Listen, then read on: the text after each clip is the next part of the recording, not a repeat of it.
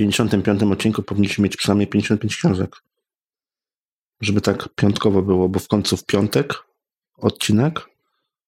Mamy serię, która zawiera 13 tomów. Hmm. Hmm. W piątek no w piątek 13 tomów ewentualnie dobrze. dobrze ewentualnie dobrze, 13 dobrze. tomów w piątek. Trochę naciągane, ale w takim razie witamy w 55. odcinku podcastu. Co się czyta? Nadal straszymy. Joanna Furdal. Ja również nadal straszę. Chociaż przynajmniej mnie nie widać, może straszę mniej, bo tylko to zrób audio. To taką... Uuu. Ale No. ja straszę tylko audio, przynajmniej nie wizualnie. Aha, i Krystian Zych.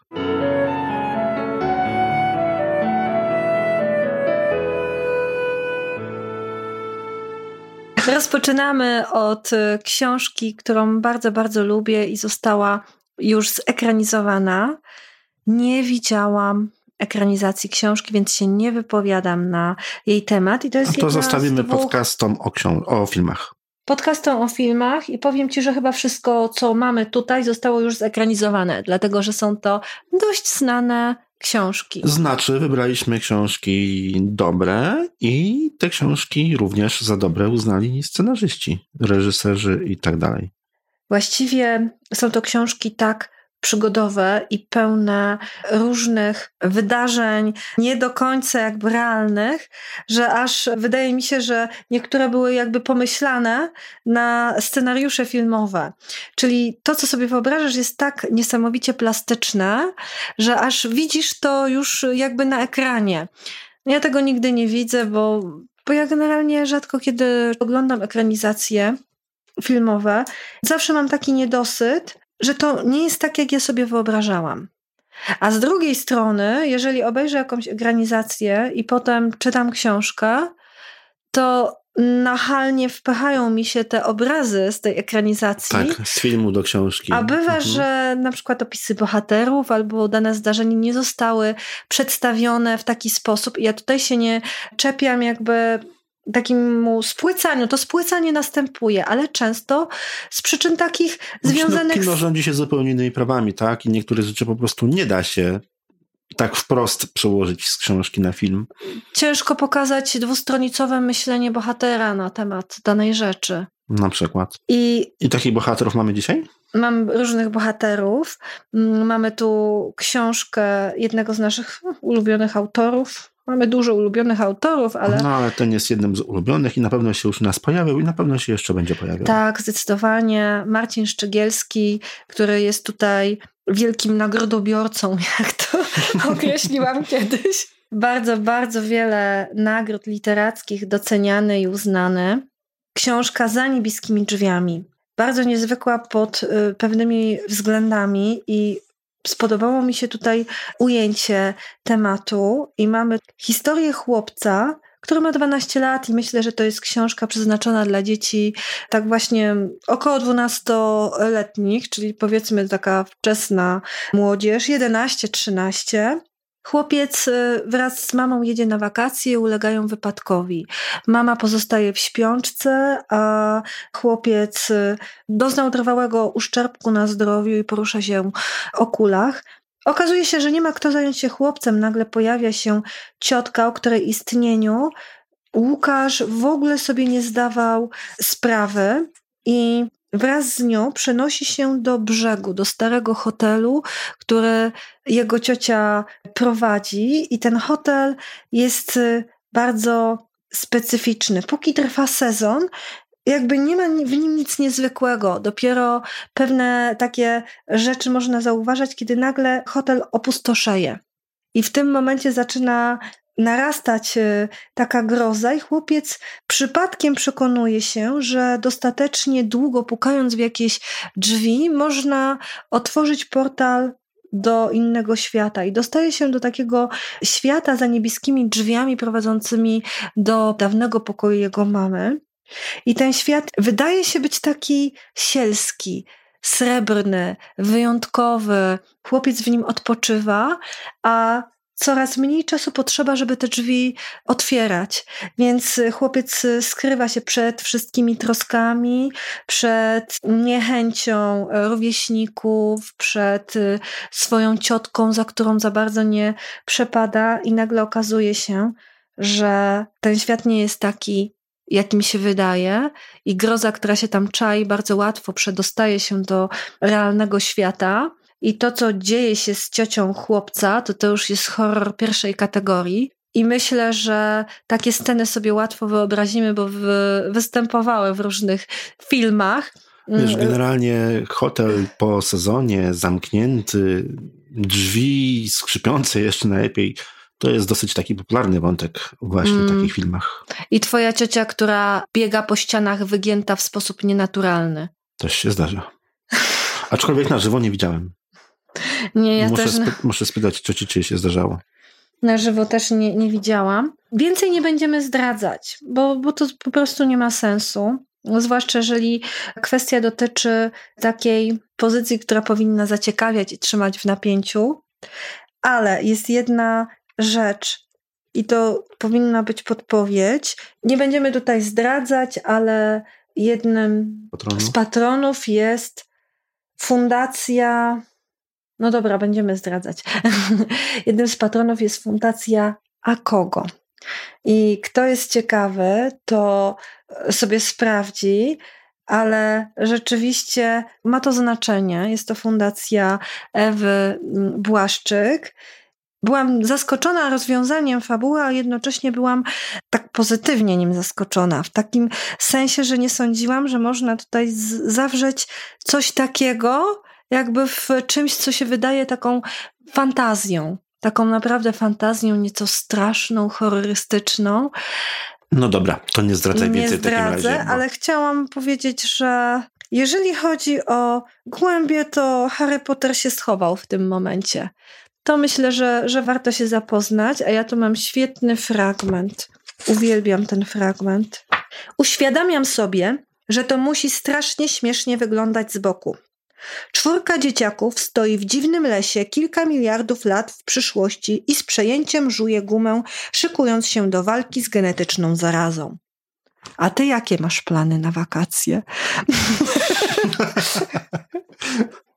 Także zapraszamy Marcin Szczegielski za niebieskimi drzwiami, najlepiej przed zobaczeniem filmu. A to I... wszystkie książki, które zostały zekranizowane. Najlepiej najpierw czyta się książkę, a potem dopiero ogląda film. Aczkolwiek są tacy, którzy potem nie lubią oglądać filmów, bo twierdzą, że ich to wypacza to, co sobie wyobrazili. Tak, ja tak mam.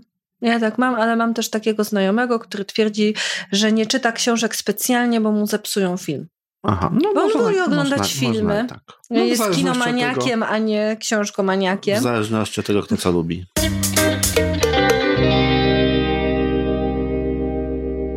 Mamy tutaj teraz. Serię? No, jedną z przedstawicieli serii, bardzo znanej serii, ale powiedziałabym głównie znanej oczywiście z ekranizacji. Różnych ekranizacji, bo to nie mówimy tylko o serialu chyba na Netflixie, ale także ekranizacji tak, ale filmowej. Serial sprzed... był na podstawie tylko chyba pierwszych trzech, z tego co pamiętam, książek. Ten, ten popularny Netflixowy, chyba Netflixowy. Hmm a tych ekranizacji było w ogóle więcej, a książek to w ogóle jest chyba kilkanaście, tak? Książek jest dokładnie trzynaście i każda z tych książek ma 13 rozdziałów. Jest to seria niefortunnych zdarzeń Lemoni Snicketa, który nie jest prawdziwym autorem, tylko narratorem tej historii. Historia została stworzona z niesamowitym pietyzmem i każda część opiera się na tym samym schemacie. Zresztą rozmawialiśmy na ten temat i ty się też zastanawiałeś, czy ten schemat nie nuży. No mnie nie nużył. Ja ją parę lat temu czytałam i to z dużym zafrapowaniem, już wtedy będąc osobą dorosłą, nie sądziłam, że odnajdę śmieszące mnie poczucie humoru w książce dla dzieci, bo ja mam rzeczywiście bardzo specyficzne, czarne poczucie humoru Może dlatego lubię kryminały i horrory. Dzisiaj myślę, że w tej książce to ci się jeszcze poziom absurdu spodobał, tak? Bo tak, tak. Poziom jest absurdu jest tutaj wyjątkowo wysoki. Książki są książkach. absurdalne, groteskowe. Mamy ogromne okno, tak, ale... W książce, którą trzymasz w rękach jest ciocia, która boi się wszystkiego łącznie z naciskaniem klamki i wycieraczki pod drzwiami. Nie mówiąc o korzystaniu z telefonów albo kuchenki w ogóle, bo to już abstrakcja. Ale zacznijmy właściwie od początku. No właśnie, skąd się w ogóle te książki wzięły i o czym one są? Książki są o trójce rodzeństwa. Tak, ale pierwsza z serii to jest przykry początek. Jeżeli chodzi o przykry początek, to dowiadujemy się, jak to się wszystko zaczęło. I Limony Snicket który wcale nie jest tak daleki dzieciom, jak się później okazuje, bo się w pewnym momencie ujawniają różne powiązania pomiędzy narratorem a bohaterami opowieści, przedstawia nam bardzo smutną, tragiczną i dramatyczną historię trójki rodzeństwa. Violetka Klaus i Słoneczko. Słoneczko na początku ma jakieś e, półtora roku i rośnie razem z wszystkimi razem książ- z książką? Razem, razem z całą serią mhm. książek. Każde z dzieci ma jakieś e, swoje specyficzne uzdolnienia. W Słoneczku na przykład się po pewnym czasie zaczynają ujawniać nawet takie uzdolnienia kucharskie. I w każdej z części dzieci prześladuje dramatyczny los, i każda kończy się strasznie i kolejnym zgonem opiekunów tychże dzieci tak. lub osób, które próbowały im pomagać. Może, a może wszystko... nie powiemy, że krew się leje, ale morderstwa to są jedno za drugim. Tak, tutaj trup pada gęsto tak. w takiej absurdalnej otoczce. Powiedziałabym, że są to książki dla dzieci od 12 plus w zależności od wrażliwości. Znaczy myślę, że te książki są tak absurdalne i tak humorystyczne, że no, ten wiek 12 lat już jest okej, okay, jak najbardziej dla tych książek. Tak, myślę, że tak, chociaż co wrażliwsze dwunastolatki mogą mieć tutaj problem. Styl tej książki jest bardzo specyficzny, sam zresztą zauważyłeś tak. też. I być może ciężko będzie niektórym przez to przebrnąć, ale. Nie, my, co ci, przebrnąć. Ja zauważyłem na początku, na pierwszych stronach, takie wtrącenia, które są tak jakby wyjaśnianiem słów pojawiające się zdanie wcześniej, czy tam jakieś sformułowanie Wiesz, wcześniej. mnie taki styl narracji zawsze bawił, więc ja nigdy na to nie zwracam I to uwagi. Zacząłem na to zwracać uwagę na początku, natomiast to w pewnym momencie przestaje przeszkadzać, a nawet w pewnym momencie, gdzieś tam w okolicach połowy książki, stwierdziłem, że tak w ogóle to wcale nie jest takie złe, bo w momencie, gdy pojawia się jakieś trudniejsze słowo... To jest dygresja od dygresji gdy pojawia się jakieś trudniejsze słowo, to one są w fantastyczny sposób y, też te słowa przedstawione. Poza tym te dygresje też często są po prostu komiczne, są po prostu śmieszne są i dodają takiego fajnego smaczku. Także na początku, nawet jeżeli przeszkadzają, to one bardzo szybko przestają przeszkadzać.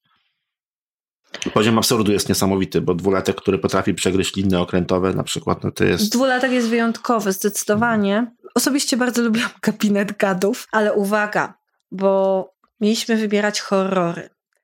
A ta książka może nie do końca zawiera wątki fantastyczne. Ale stwierdziłam, że ze względu na ten e, makabryczny poziom poczucia humoru i jednocześnie występowanie, uwaga, szalonego, psychopatycznego wujka Olafa, który wszędzie podąża za dziećmi. I zanim... Czyha na ich majątek. Czyha na ich majątek i na ich życie. Huragany walące się domy, stojące na skarpach, w dodatku tenże wujek ma pomocników związanych z cyrkiem tak. i to już sytuacja się robi jeszcze bardziej makabryczna i tak sobie... Y, no i trup co kawałek, tak? Tak, ale pomyślałam sobie właśnie o tych y, wszystkich horrorach y, opartych właśnie na tym specyficznym wątku. Piątek 13. Mam wrażenie, że rzeczywiście tutaj autor bawi się różnymi wątkami, ale zaraz się zastrzelę, ponieważ nie wiem jak się nazywa autor. Daniel Handler, który cały czas przedstawia się jako Lemony Snicket. I tak się bardzo w niego wcielił, że go nie znajdziesz w tej książce. Właśnie nawet patrzę w stopce redakcyjnej, prawa autorskie, Lemony Snicket. Tak. Jednym słowem postać tutaj e, z Nie ma autora, jest tylko narrator. Zdarzeń. Jest tylko narrator. Narrator praktycznie ożył, stał się autorem. A, bo chciałam kogoś znaleźć. Tutaj o śmierci rodziców poinformował dzieci ich prawnik i zgadnij, jak się ten prawnik nazywał. I to nie jest przypadek. I jest to związane z naszą kolejną książką. To mi się skojarzyło właśnie z autorem naszej kolejnej książki. To był pan Po. Myślę, że na tym możemy praktycznie skończyć omawianie tej serii, bo nie ma sensu przedstawiać kolejnych jakby nie, przygód jest, dzieci. Poziom absurdu jest nie do opowiedzenia tak naprawdę, to po prostu trzeba przeczytać. To się dzieje wszędzie. I w akademii, i w tartaku, i podczas różnych dziwacznych y, wydarzeń. Ja najbardziej zapamiętam, nie pamiętam, która to była część, ale działa się w łodzi podwodnej. Także absolutnie wszystko. Polecamy horror z bardzo paskudnym wujkiem w tle.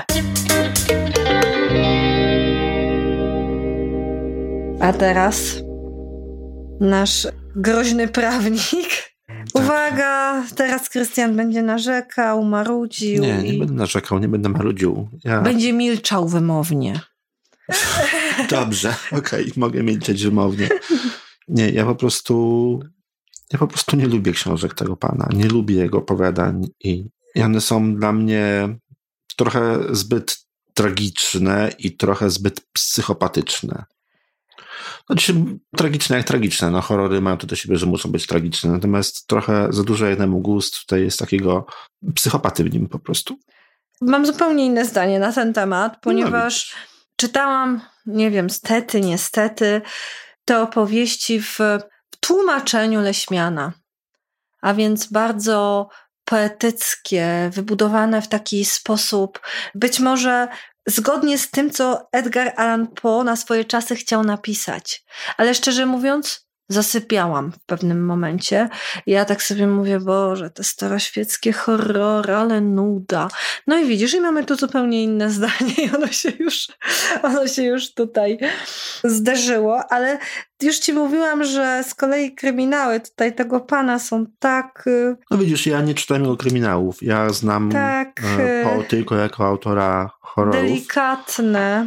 I horrory po są dziwne, jak dla mnie w ogóle powinny być dziwne. I mamy no, tutaj. No okay. one muszą być dziwne, na tym to, to polega wszystko.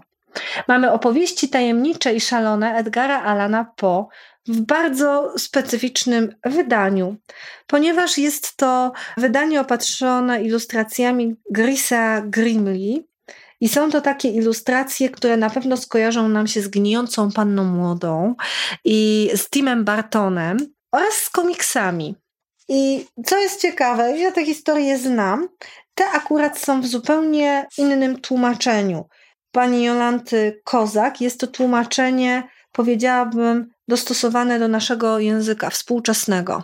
Jest ponoć dosyć wierne, ale jednocześnie nie jest na, nadbudowane tą, tą taką poetyką, która się tam gdzieś y, skrywa w utworach Edgara Allana a która mnie tak znużyła w pewnym momencie.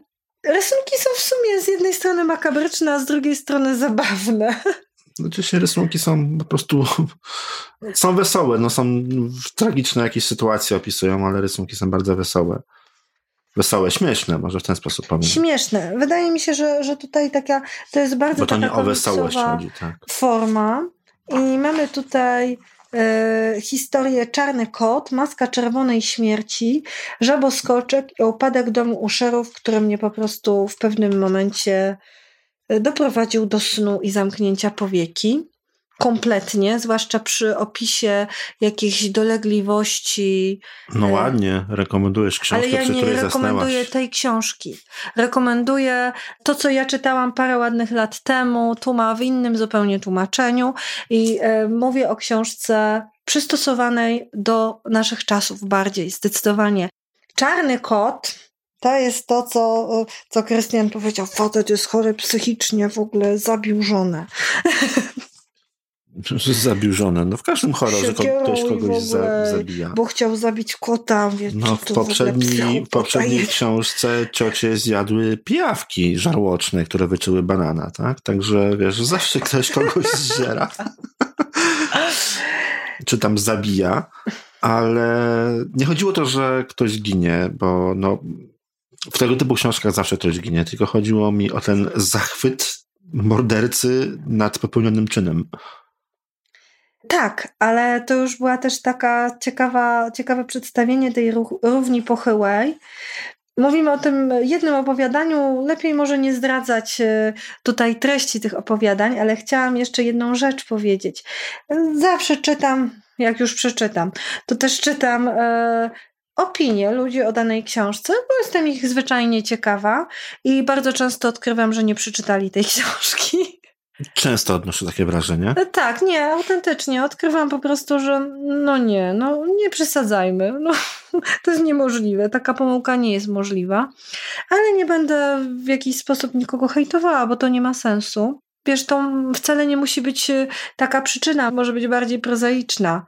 Przeczytałam e, dwie trzecie, przeczytałem dwie trzecie i zaczął mi się obiad przypalać cokolwiek, no ale to mi daje ogląd. Y, Na książkę, tak. Tak, mhm. tylko że tam w tej drugiej części pojawia się coś, co nagle podkłada ci noga zwyczajnie w świecie. To jest wydawnictwo Nasza Księgarnia. W jednej z recenzji czytałam, że jest to absolutnie nie książka dla dzieci. Mimo, że te rysunki, ilustracje, takie komiksowe, atrakcyjne, wydają się dziecięce, jest to absolutnie nie książka dla dzieci i młodzieży. I inną opinię, według której jest to absolutnie książka dla dzieci i młodzieży, zwłaszcza dlatego, że język został uwspółcześniony i z drugiej strony została opatrzona ilustracjami w takim właśnie bardzo przypadającym do gustu młodzieży stylu. No styl jest bardzo młodzieżowy. Faktycznie książka jest po prostu stworzona wizualnie totalnie dla, dla wczesnych nastolatków. Co do pierwszej opinii. Będąc osobą dorosłą, chciałbyś taką książkę czytać? No nie, no bo jest książka wizualnie, tak jak mówię, dopasowana do Dokładnie. młodych odbiorców. Ja Dokładnie. bym powiedział, gdybym tą książkę, gdybym nie znał autora i gdybym tą książkę przeglądał w księgarni, to patrząc na okładkę, patrząc na ilustrację, na oprawę graficzną, na czcionkę, jaka jest wykorzystana, bym powiedział, że to jest książka dla młodzieży, tak powiedzmy 12+. Plus. Myślę, że nie 12. Plus. Powiedziałabym 15-16. Ze względu na treść. No dobrze, ja mówię o, tak. mówię o ilustracji. Ja tak? myślę, tak? że, że w tym momencie e, odbiorcami również komiksów i tej grafiki takiej komiksowej. Treść na pewno jest dla starszych. Tak, mhm. zdecydowanie.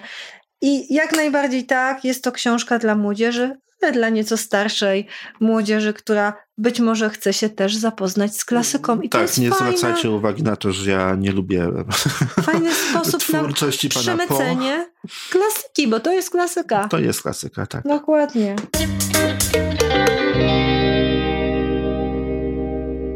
Ha, mamy tutaj osobliwy dom pani Peregrin, nasza ostatnia książka. Książek jest więcej ale zapoznaliśmy się tylko z pierwszym tomem i, i tak no jesteśmy dobrze, te książki, z siebie dumni. Te książki do dzisiejszego i do ostatniego odcinka to jest przecież jakby nie było kilka grubych, naście grubych tak, tak, cegłówek. Tak, tutaj mamy naprawdę i... czym się pochwalić, jeżeli chodzi o wzrost czytelnictwa w społeczeństwie. My podwyższamy no tak, znacząco podbiliśmy ostatnio. średnią przynajmniej o parę punktów.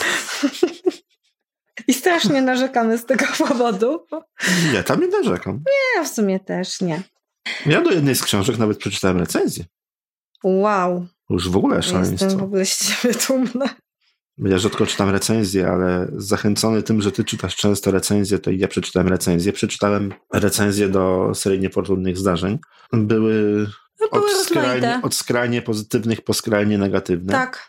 Jakby na to nie spojrzeć, mówimy o tematyce dosyć takiej. No nie każdemu przypadającej do nie gustu. Nie każdemu tak? przypadającej do gustu. Tak to samo jak ty trzeba, mówiłeś, że po prostu nie lubisz horrorów i nie każdy nie, musi je Nie lubić. przypadam za horrorami, nie lubię książek y, Edgara Allena Poe, co nie znaczy oczywiście, że pisał same złe rzeczy. Wręcz przeciwnie. Wielu osobom się to podoba, po prostu mi nie przypadło do gustu. No i być może nie przypadło też również i innym piszącym recenzje mają do tego prawo, bo tak naprawdę mamy tak ogromny wybór y, książek i niezależnie od tematyki, jaką przedstawiamy, staramy się, żeby to były po prostu książki wartościowe. Czy są to zasypianki, czy Gdyby są się to... wszystko wszystkim podobało, to byłoby nudno. Jaki banał, Krystian. No tak. Dobrze. Miałam powiedzieć o pewnej rzeczy, ponieważ ja tej książki nie przeczytałam, ja tą książkę wysłuchałam. No właśnie. Tak i. Bardzo się bałaś? Zaraz opowiem moje wrażenia.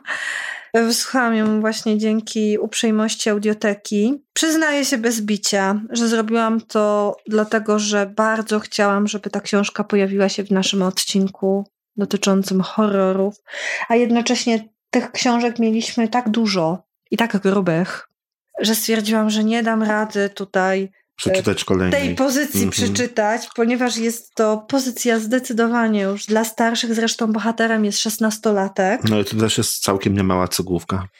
No prawie 400 stron, nie ukrywajmy. Dlatego ja tej książki wysłuchałam, przy czym e, czasami zdarzały się e, momenty, gdzie jem sobie spokojnie obiad i pojawia się taki opis, że muszę wyłączyć audiobook, żeby nadal jeść spokojny obiad. To takie przygody po prostu. I jeżeli chodzi o książkę do snu, bo ja bardzo lubię zasypiać słuchając audiobooków, nie polecam. Raczej jako audiobook, gdzie ani nie jemy, ani nie śpimy, ani nie wykonujemy żadnej czynności, w której nadmierne emocje mogłyby nam przeszkodzić zwyczajnie w świecie. Do tego się przyznaję i lepiej Czyli, ostrzec na mówiąc, początku. Książka nagrana dobrze. Tak, ja już mówię, kto ją czyta. Skoro te emocje wszystkie zostały w taki sposób przekazane. Ale, bo właśnie jedną rzecz zauważyłam. Książkę czyta Krzysztof Banaszek, aktor i lektor. Trwa 9 godzin 40 minut, media rodzina. Ale pan Banaszek nie czyta jej absolutnie tak, jak czytał Jarosław Boberek. Była to pozycja przeznaczona dla młodszych y, odbiorców. Tak, no to była książka dla młodszych i to była książka w trochę innym stylu, bo to nie była książka, która miała straszyć, tak? Dokładnie. Tutaj, a tutaj chodzi o babcię Rabuś. Tu mamy do czynienia z takim spokojnym głosem. Są podkreślone oczywiście wszystkie emocje, ale mam wrażenie, że aktor czytający tą książkę nie stawiał właśnie na nadmierne podgrywanie. I bardzo dobrze, bo nie jest to książka humorystyczna. I sam fakt, że ona była czytana w taki sposób dostosowany do treści, sprawia, że ona nabiera autentyczności.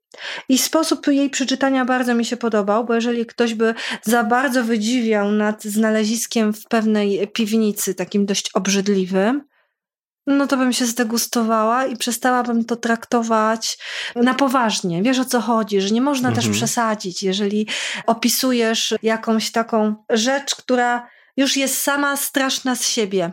Nie mam pojęcia, jak to będzie w dalszych y, tomach. Jestem ciekawa, ale w tym pierwszym tomie mamy chłopca, któremu w dość tajemniczych okolicznościach umiera dziadek ale zostaje uznane, że dziadek, który mieszkał w takiej okolicy dosyć e, zalesionej, e, wśród domków, po prostu został rozszarpany przez dzikie psy, ale chłopiec zobaczył potwora. Jego kolega, który tam z nim był, zresztą bardzo ciekawa postać z zielonymi włosami, nie zobaczył niczego. Najwyraźniej stara paranoja dała o sobie znać. Uścisnąłem mu rękę i oznajmiłem, że wszystko jest w porządku i że na pewno wydobrzeje. Tego dnia okłamałem go już drugi raz. Wypytywałem dziadka, co się stało, jakie zwierzę go raniło, ale nie słuchał. Jedź na wyspę, powtórzył. Tam będziesz bezpieczny. Obiecaj mi. Pojadę, obiecuję. Co innego mogłem zrobić? Myślałem, że cię obronię. Powinienem był ci powiedzieć dawno temu. Widziałem, jak z dziadka ulatuje życie. Co powiedzieć, spytałem, łykając łzy. Nie ma czasu. Wyszeptała, potem uniósł głowę, zadrżał z wysiłku i wydyszał mi do ucha. Znajdź ptaszysko w pętli po drugiej stronie grobu starca. 3 września 1940 roku. Skinąłem głową, ale widział, że nic nie rozumiem. Resztkami sił dodał Emerson list. Powiedz im, co się stało, Jacob. Opadł z powrotem na ziemię, wyczerpany i ledwie żywy. Powiedziałem, że go kocham i wtedy odniosłem wrażenie, że dziadek zapada się w sobie, kierując spojrzenie w naszpikowane gwiazdami niebo. Chwilę później z zarośli wypadł Ricky. Na widok nieruchomego staruszka w moich objęciach cofnął się o krok. Rety, Facet, Je Jezu, o Jezu, wykrztusił. Potarł twarz dłońmi, a gdy mamrotał coś o szukaniu pulsu, dzwonieniu po gliny i pytał, co widziałem w lesie, ogarnął mnie dziwny niepokój. Położyłem zwłoki dziadka na ziemi i wstałem, pełen przeczuć, z których istnienia dotąd nie zdawałem sobie sprawy. W lesie bez wątpienia coś się czaiło. Czułem to. Noc była bezksiężycowa. Wokół panował całkowity spokój, który tylko my zakłócaliśmy. Mimo to wiedziałem, kiedy unieść latarkę i gdzie wycelować. W wąskim strumieniu światła ujrzałem nagle oblicze, które wydawało się żywcem przeniesione wprost z nocnych koszmarów mojego dzieciństwa. Wpatrywało się we mnie oczami zatopionymi w ciemnej cieczy. Fałdy czarnego, niczym węgiel mięsa, luźno zwisały z przygarbionej sylwetki. Z groteskowo rozwartego pyska wystawała plątanina wijących się języków, długich jak węgorze. Krzyknąłem, a wtedy stwór odwrócił się i znikł, pozostawiając za sobą rozedrgane gałęzie krzewów. Ricky natychmiast skierował wzrok w tamtą stronę, uniósł dwudziestkę dwójkę i cztery razy wystrzelił. Co to było? spytał nerwowo. Co to było do cholery? On jednak nie widział stwora, a ja nie mogłem wykrztusić ani słowa. Zamieniłem się w słup soli. Przygasający promień latarki padał na ścianę leśnych drzew. Wygląda na to, że potem straciłem przytomność. Bo pamiętam tylko, że Ricky powtarzał Jacob, Jakey, hej, spadek, no co się z tobą dzieje? I nic więcej. Po całe blisko 10 godziny nagranie zapraszamy do audioteki. No i zaczyna się taka opowieść, która bym powiedziała przez bardzo długi czas nie zapowiada się na fantastykę. Bardziej na opowieść o chłopaku, który zmaga się z różnymi demonami. Dziadek opowiadał mu przez y, wiele lat o potworach. W niektóre rzeczy chłopiec wierzył, w inne nie wierzył, potem przestał w ogóle wierzyć opowieściom dziadków. Było wytłumaczenie. Dziadek e, był Żydem i był dzieckiem, które zostało osierocone. Przyjechał z Polski, właściwie uciekł z Polski, został sam jeden na świecie i trafił do domu dziecka, które pamięta jako dom szczęśliwości. Opowiadał o nim niezwykłe rzeczy, że dzieci, które się tam znajdowały, były wyjątkowe, były osobliwe. Opowiadał także o potworach. Łatwo to tłumaczył tato nastolatka, bo tato Jacoba po prostu mówił, że dziadek tak sobie to wszystko opisywał. Potworami byli ludzie, którzy go ścigali za nic, którzy zamordowali jego rodzinę, którzy go dręczyli. On też potem sam był żołnierzem i to wszystko wpłynęło na całe jego życie i postrzeganie świata i że te, w ten sposób dziadek sobie to wszystko tłumaczył. No i zaczyna się długa droga do zdrowia. Jacob chodzi do psychologa. Nagle okazuje się, że psycholog jest za tym, żeby Jacob poszukał korzeni dziadka. I rzeczywiście Jacob podąża za pewnymi wskazówkami, za listem, za zdjęciami. Razem z ojcem wyruszają na pewną wyspę, na której właśnie znajdował się lub znajduje się nadal sierociniec, którym e, przez jakiś czas wychowywał się dziadek.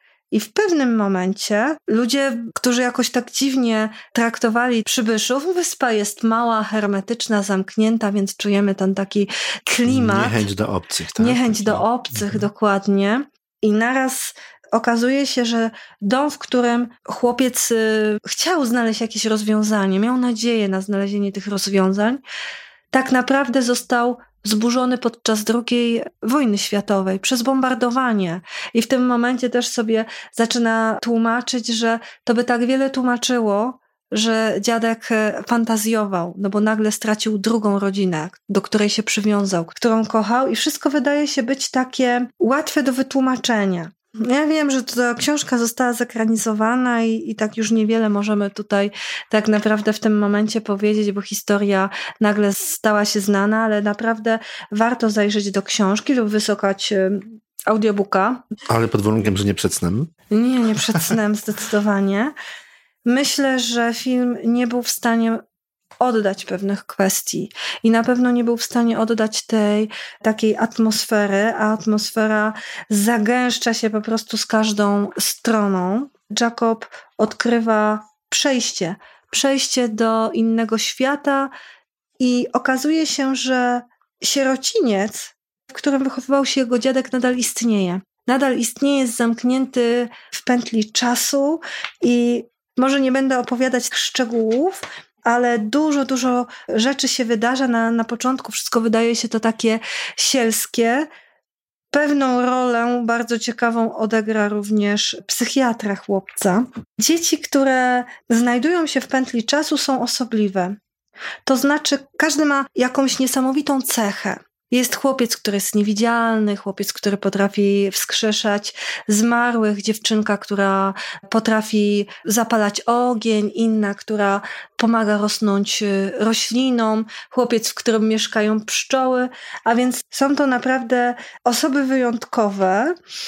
I co ciekawe, zdjęcia, które doprowadziły y, chłopaka do tego domu pani Peregrin, najczęściej pochodziły z okresów, w którym, jak się okazało, dzieci jeszcze występowały w cyrku. Dlatego, że najciemniej jest pod latarnią, więc żeby się ukryć przed ludźmi, którzy boją się zwyczajnie inności, dzieci występowały w cyrku, udając, że ich uzdolnienia są tylko cyrkowymi sztuczkami. Jacob, któremu się wydaje, że nie pasuje do otoczenia, odkrywa pewną rzecz. Okazuje się, że tylko on widzi potwory. I to jest jego wyjątkowa zdolność. I jest w stanie rozpoznać zagrożenie. To, co grozi dzieciom z tego domu pani Peregrin. To już może więcej nie, nie zdradzaj. Nie, więcej nie będę zdradzała z treści.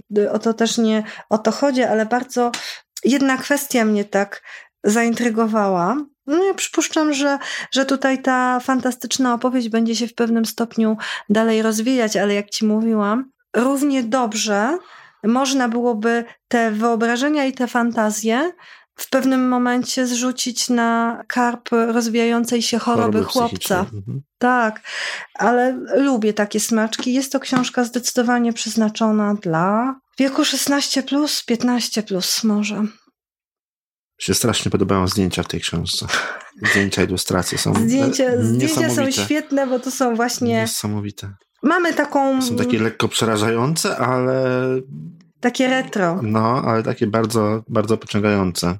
Tak, to prawda. I mamy tutaj oba wydania, bo mamy wydanie z filmową okładką i mamy wydanie z tą taką okładką przed ekranizacją. Mnie się osobiście zdecydowanie podoba ta sprzed ekranizacji. Okładka, tak, okładka zdecydowanie. Na szczęście środek nie został Wnętrze za bardzo jest takie same, za bardzo zniszczone, mamy jest tutaj takie te, same. te zdjęcia, zdjęcia są rewelacyjne. które naprowadzały Jacoba na kolejne ślady.